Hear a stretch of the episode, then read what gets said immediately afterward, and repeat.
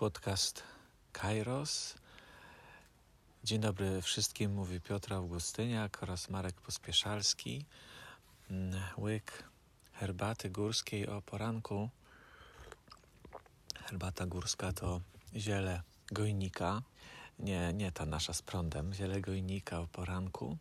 Dzisiaj nieziemskie nadzieje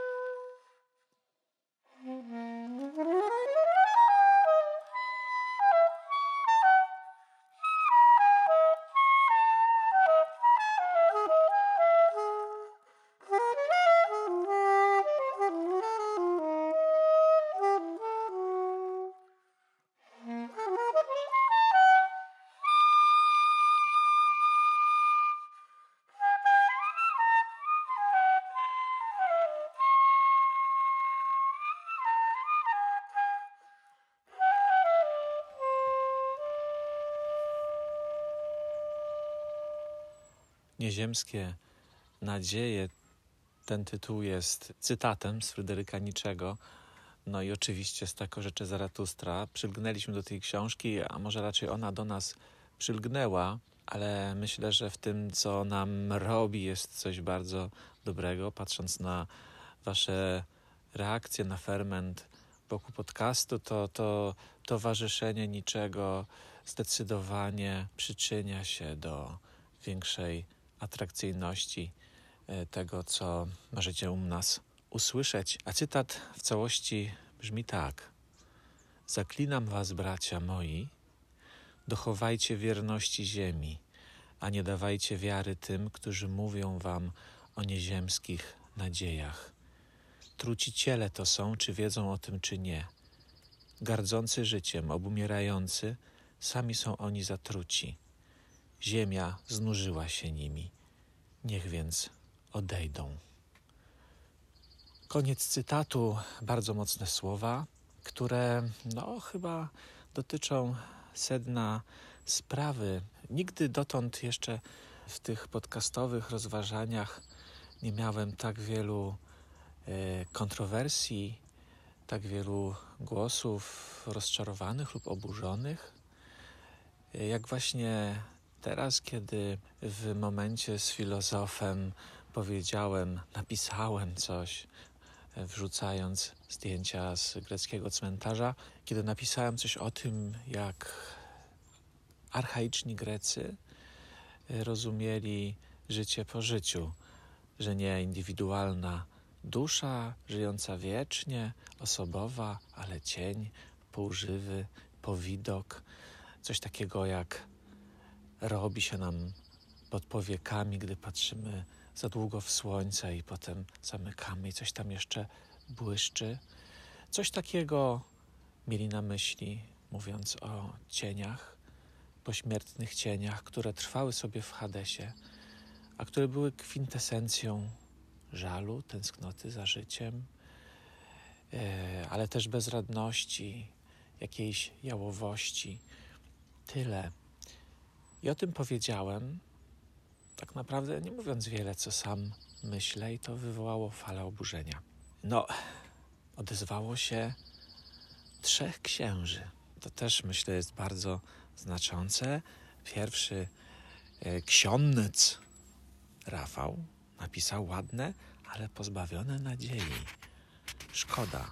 Drugi ksiądz Janusz, e, nie wspomnę nazwiska, tak samo puste jak powiedzenie bodajże Wisławy, że zmarli żyją tak długo, jak długo ktoś o nich pamięta. Yy, bodajże Wisława. No, cóż. I jeszcze ojciec Mirosław, który uczył mnie kiedyś łaciny, któremu dużo zawdzięczam, też z pewnego rodzaju ironią na temat antycznych mędrców, ale nie tylko księża, również pan Maciej, z tego co wiem, to buddysta, napisał mi nie Pitol. I jeszcze inne głosy, które mówią: A co to za chcieństwo moje, żeby zakładać, że nic potem nie ma i mieć takie przekonanie, że to jest chcieństwo. No i że w ogóle nie jestem filozofem. Ja się Państwu nie wyżalam, ale mówię o tym po to, żeby pokazać, że ta kwestia życia po życiu, życia wiecznego, duszy, trwania człowieka po śmierci, to chyba jest w naszej kulturze temat, naszej polskiej kulturze, temat szczególnie rozedrgany, szczególnie emocjonujący. Paradoksalnie, właśnie on być może najbardziej nas rozpala, bardziej niż wojna polsko-polska. I to jest, myślę, coś wartego przemyślenia. A więc o dwóch rzeczach dzisiaj: o tym, jak to życie po życiu jest wykorzystywane przez narrację kościelną, żeby w jakiś sposób sprawować nad nami kontrolę i że jak bardzo my się chwytamy tej narracji ze względu na jakiś swój lęk, swoje zaniepokojenie, swoją tęsknotę. O tym więc najpierw, a potem troszeczkę o tym, jak to życie po życiu filozoficznie może być rozumiane. Jak śmierć i to, co ona robi z człowiekiem, można sobie filozoficznie jakoś sproblematyzować, czy może wyobrazić, czy po prostu pomyśleć. No więc słuchajcie, jeśli chodzi o życie wieczne, życie człowieka po śmierci, losy pośmiertne, które rozpoczynają się sądem, ten motyw jest oczywiście bardzo starożytny, ale on początków naszej europejskiej kultury czyli w klasycznych Atenach, splata się z kwestią polityczną. To jest w gruncie rzeczy idea polityczna. Idea sądu po śmierci i losu człowieka, który będzie lepszy lub gorszy. Jest to idea polityczna w naszej europejskiej tożsamości. Wszystko, jak zawsze, zaczyna się u Platona który zastanawiał się nad tym, w jaki sposób sprawić, żeby w polis panował porządek, w polis, czyli w państwie, mieście, żeby panował porządek, żeby panowała sprawiedliwość, żeby ludzie swoich skłonności do przemocy, krzywdzenia, gwałtu nie okazywali na co dzień. No i oczywiście podstawowy jest ten sąd ziemski, jest jakaś prewencja, władza, ale oczywiście ona jest mniej lub bardziej skuteczna. Można umknąć sprawiedliwości tu na ziemi, więc to niektórym nie wystarcza, żeby się powściągnąć. W związku z tym Platon zaczął używać y, antycznych, przepraszam, archaicznych wyobrażeń na temat sądu, które oczywiście wcześniej już były, w celach politycznych, żeby przestraszyć tych, żeby wziąć w kontrolę tych, którzy ziemskiej władzy się nie boją. I tak przyjdzie sąd a więc bójcie się, bo wasze uczynki wyjdą tak czy inaczej na jaw i zostaną osądzone. A więc jest to idea w gruncie rzeczy od czasów Platona polityczna, mająca pomóc w sprawowaniu kontroli nad społeczeństwem, nad człowiekiem w społeczeństwie. I niestety, albo stety, jak kto woli, jak wolicie, to jest kontynuowane w chrześcijaństwie. Chrześcijaństwo jako instytucja polityczna, przynajmniej od czasów Konstantyna Wielkiego, aż do dzisiaj, tak naprawdę w wielu miejscach świata, w ten sposób zyskuje władzę albo wspiera państwo w sprawowaniu kontroli nad obywatelami, jest wielką, wielką pacyfikującą narracją, pacyfikującą występek, albo samo zyskuje jako coś autonomicznego i oderwanego od państwa, zyskuje i utrzymuje kontrolę nad społeczeństwem, nad wielkimi rzeszami wiernych. No bo może Kościół jest taki lub inny, ale należy pamiętać o tym, że on ma klucze Królestwa Niebieskiego.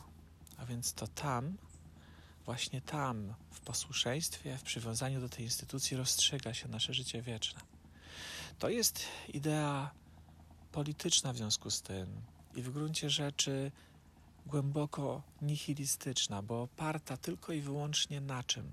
Na mocy, na sile, na przemocy, na władzy, którą się chce podtrzymać i ugruntować. A więc to jest pierwsza rzecz, o której należy pamiętać i która chyba w tych głosach, rozlicznych głosach księży, duszpasterzy, pod moim starogreckim wpisem, która te głosy jakoś tłumaczy. I mi się wydaje, że w Polsce to jest y, coś takiego, co jest takim kijem włożonym w szprychy koła społecznego postępu. I nie tego postępu, który no, jest jakimś takim bezdusznym, bezdusznym procesem technicyzacji,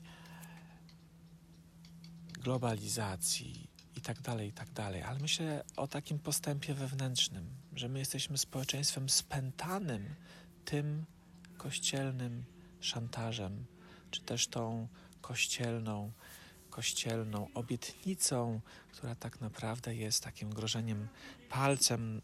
Może wszystko można, ale trzeba się zastanowić, czy warto, no bo przyjdzie sąd i można ponieść srogie konsekwencje. Ja myślę, że to w polskim społeczeństwie jest tak bardzo zakorzenione, połączone z tęsknotą za tymi, którzy nas opuścili, połączone z jakąś życiową frustracją i nadzieją, że może w przyszłym życiu będzie nam lepiej. Więc, że to jest tak zakorzenione w polskim społeczeństwie, że naprawdę aż żal pomyśleć, jak bardzo, bardzo wstrzymuje to nasz rozwój, o którym przed chwilą powiedziałem. I stąd się bierze na pewno też to, co moja mama mi napisała, kiedy e, przedwczoraj zapytałem ją, bo nagrywam ten podcast e, zaraz po święcie zmarłych, kiedy napisała mi, że polski świr cmentarny trwa w najlepsze. Zaskoczyła mnie takim stwierdzeniem. Wydawało mi się, że jest przywiązana bardzo do tego święta. Na pewno jest, ale myślę, że odczuwa, tak jak wielu z Was, że jest coś nienaturalnego, wzmożonego, rozpaczliwego w tym rozpalaniu gliceryną wszystkich polskich nekropolii. To jest wielki polski problem. Natomiast jak wygląda to filozoficznie? Otóż filozoficznie jest to problem w jakimś sensie nierozwiązywalny. To znaczy jest filozofia chrześcijańska, która będzie obstawać, ta zwłaszcza scholastyczna, średniowieczna, która będzie obstawać za nieśmiertelnością duszy indywidualnej. Ale kiedy rozważymy te dowody na nieśmiertelność duszy, obecne już zresztą u Platona po raz pierwszy, potem chrześcijaństwo je podejmuje, rozwija, niewiele jest w stanie nowych wymyślić. Jeżeli je rozważymy detalicznie i dokładnie, to okaże się, że one są pełne aporetyczności. Że owszem, można uzasadnić, że coś takiego jak dusza jest nieśmiertelne, ale wtedy, kiedy uzasadniamy jej nieśmiertelność, to tracimy jej indywidualność. Bo na przykład mówimy tak: dusza to jest nasz umysł, który potrafi poznawać ponadczasowe wieczne idee, a więc ta dusza, mając czy będąc umysłem, właśnie takim, poznającym to, co wieczne, sama musi być wieczna. No i to jest jakiś argument, on wbrew pozorom wcale nie jest głupi, bo umysł to jest coś więcej niż mózg. To jest rzeczywiście pewna duchowa zdolność myślenia rzeczy niematerialnych. Ale jeżeli idziemy tą drogą, to ten umysł poznający rzeczy wieczne poznaje rzeczy pozbawione indywidualności. Poznaje coś, co jest pozbawione tej cechy skończoności, którą jest określona nasza indywidualność. A więc, jeżeli nasza dusza jako umysł jest nieśmiertelna, to jako coś ogólnego w nas, a więc nie my indywidualni, tylko coś takiego, co w nas indywidualność przekracza. A więc dusza nas opuszcza i mówi mojej historii, mojemu, mojej specyfice, mojemu specyficznemu charakterowi, moim wspomnieniom, mówi papa, to już nie jestem ja, to jest umysł, który porzucił moją indywidualność. Podobnie, jeżeli powiemy, że dusza to jest tchnienie życia w nas, jako taka jest wieczna, ok, ale znów jako coś, co kiedyś stało się moją indywidualnością, animowało mnie, ale wtedy, kiedy ja umieram, to coś opuszcza mnie jako wolne tchnienie życia. Jeśli żyję dalej, to żyję dalej poza mną, jako Zoe, o której wiele razy w tym podcaście mówiłem. A więc te próby filozoficzne mówienia o nieśmiertelnej duszy są bardzo, bardzo problematyczne i one w zasadzie nigdy nie dowodzą tego, że człowiek, indywidualny człowiek, będzie dalej żył po śmierci. To ma pewne głębsze filozoficzne uzasadnienie. Otóż zobaczcie, że bycie indywidualnym, czyli mną konkretnie, ono się wiąże z tym, że ja jestem określony. Określenie zaś, jeżeli posłuchamy samego słowa, to nic innego niż odgraniczenie i zarazem ograniczenie, określać, czyli obrysowywać kresem, otaczać kresem, kreską, kresem, mieć granice. Ceną indywidualności jest ograniczenie, czyli skończoność. Sednem naszej indywidualności, tego, że jestem mną, jest to, że jestem śmiertelny że mam kres, nie tylko moje ciało, ale ja cały jako ten oto indywidualny człowiek. To jest to najgłębsze filozoficzne, co na ten temat można powiedzieć. A więc wtedy, kiedy my, będąc indywidualni, chcemy być indywidualni na wieki, poza granicę śmierci bez końca, to wtedy zadajemy kłam czemuś, co nas najbardziej właśnie określa, nadając nam naszą indywidualność. A więc jest to sprzeczność, a od strony naszych pragnień jest to perwersja. Oczywiście jest to trudne do przyjęcia. Ktoś mi mówi, że ja uprawiam chcieństwo tego, że nic po życiu dalej nie ma. Nie, to co mówię jest bardzo trudne dla mnie. To zajęło mi może 30 lat mojego życia, żeby taką myśl spokojniej do końca pomyśleć ale tak po prostu jest. Trzeba zaufać myśleniu. Trzeba zaufać myśleniu, bo nic więcej nie mamy. Wiara, która sprzeciwia się myśleniu, jest absurdem. I nawet większość chrześcijan zawsze o tym wiedziała. Nie ma nieziemskich nadziei dla człowieka, nie ma życia po życiu. Natomiast to życie po życiu jest ideą, która ma nas trzymać w ryzach a z drugiej strony jest to też coś, co odbiera smak naszemu życiu i przed tym Nietzsche przestrzega, że ludzie, którzy tym życiem po życiu się ekscytują, bardzo często nie potrafią w pełni żyć tu i teraz.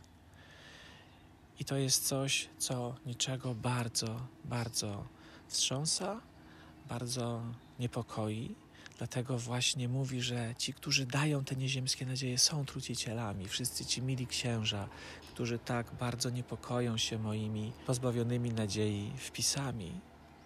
Z tej perspektywy, wiedząc o tym czy nie, są trucicielami. Żyjmy tu i teraz. Natomiast to nie oznacza, koniec końców, że nie możemy jakoś mieć intuicji.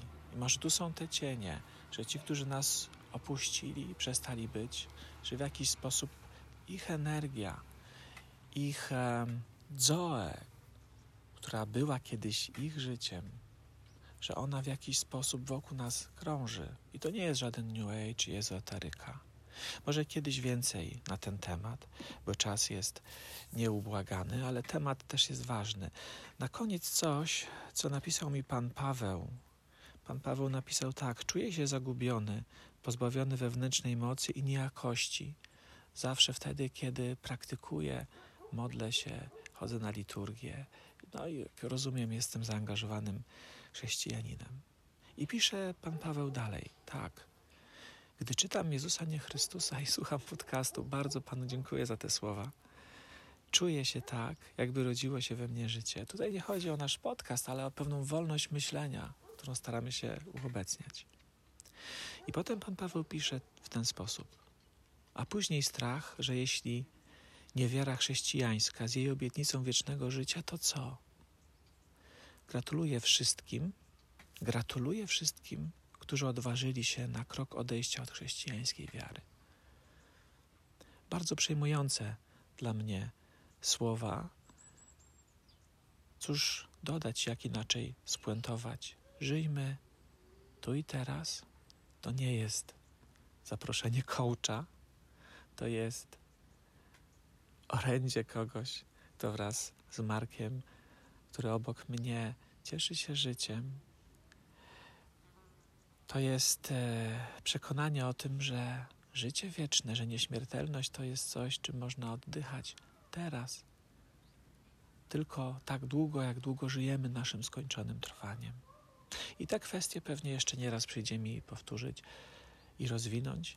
Tymczasem zapraszam Was na kolejne odcinki. Proszę, komentujcie, udostępniajcie i wspierajcie nas w systemie Patronite